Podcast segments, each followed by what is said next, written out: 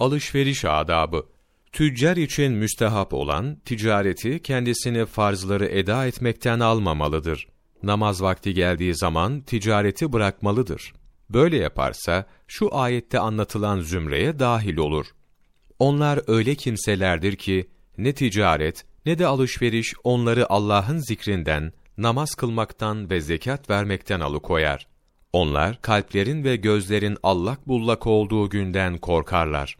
Çünkü Allahu Teala onları işledikleri amele karşılık en güzel şekilde mükafatlandıracaktır. Onlara fazlından daha fazlasını verecektir. Nur suresi 37 ve 38. ayetler. Bu ayetin manası üzerine çeşitli görüşler ileri sürülmüştür. Bazıları der ki, bunlar ticareti bırakıp suf ve ashabı gibi ibadetle meşgul olanlardır. Bazıları da şöyle dedi, bunlar ticaretle uğraşan ama namaz vakitlerini geçirmeyen kimselerdir. Hasan-ı Basri rahmetullahi aleyhin şöyle dediği anlatılır. Bunlar ticarette uğraştıkları halde Allahu Teala'nın zikrinden ve namazdan geri kalmayan kimselerdir. En iyisini Allah Celle Celaluhu bilir. Katade radıyallahu an şöyle anlatır. Bize ulaşan habere göre doğru sözlü tüccar kıyamet günü arşın gölgesinde olacaktır. Bir kimse aldığı bir şeyi aldıktan sonra geri vermek isterse geri almalıdır. Resulullah sallallahu aleyhi ve sellem şöyle buyurdu.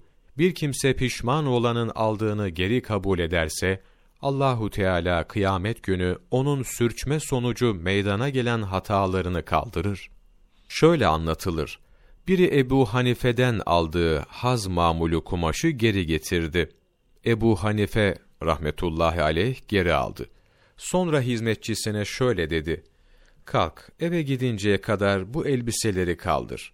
Resulullah sallallahu aleyhi ve sellemin anlattığı, bir kimse pişman olanın aldığını geri kabul ederse, kıyamet günü Allahu Teala onun sürçme sonucu hatalarını kaldırır hadisindeki zümreye dahil olmam için bugün alışveriş yapmayacağım.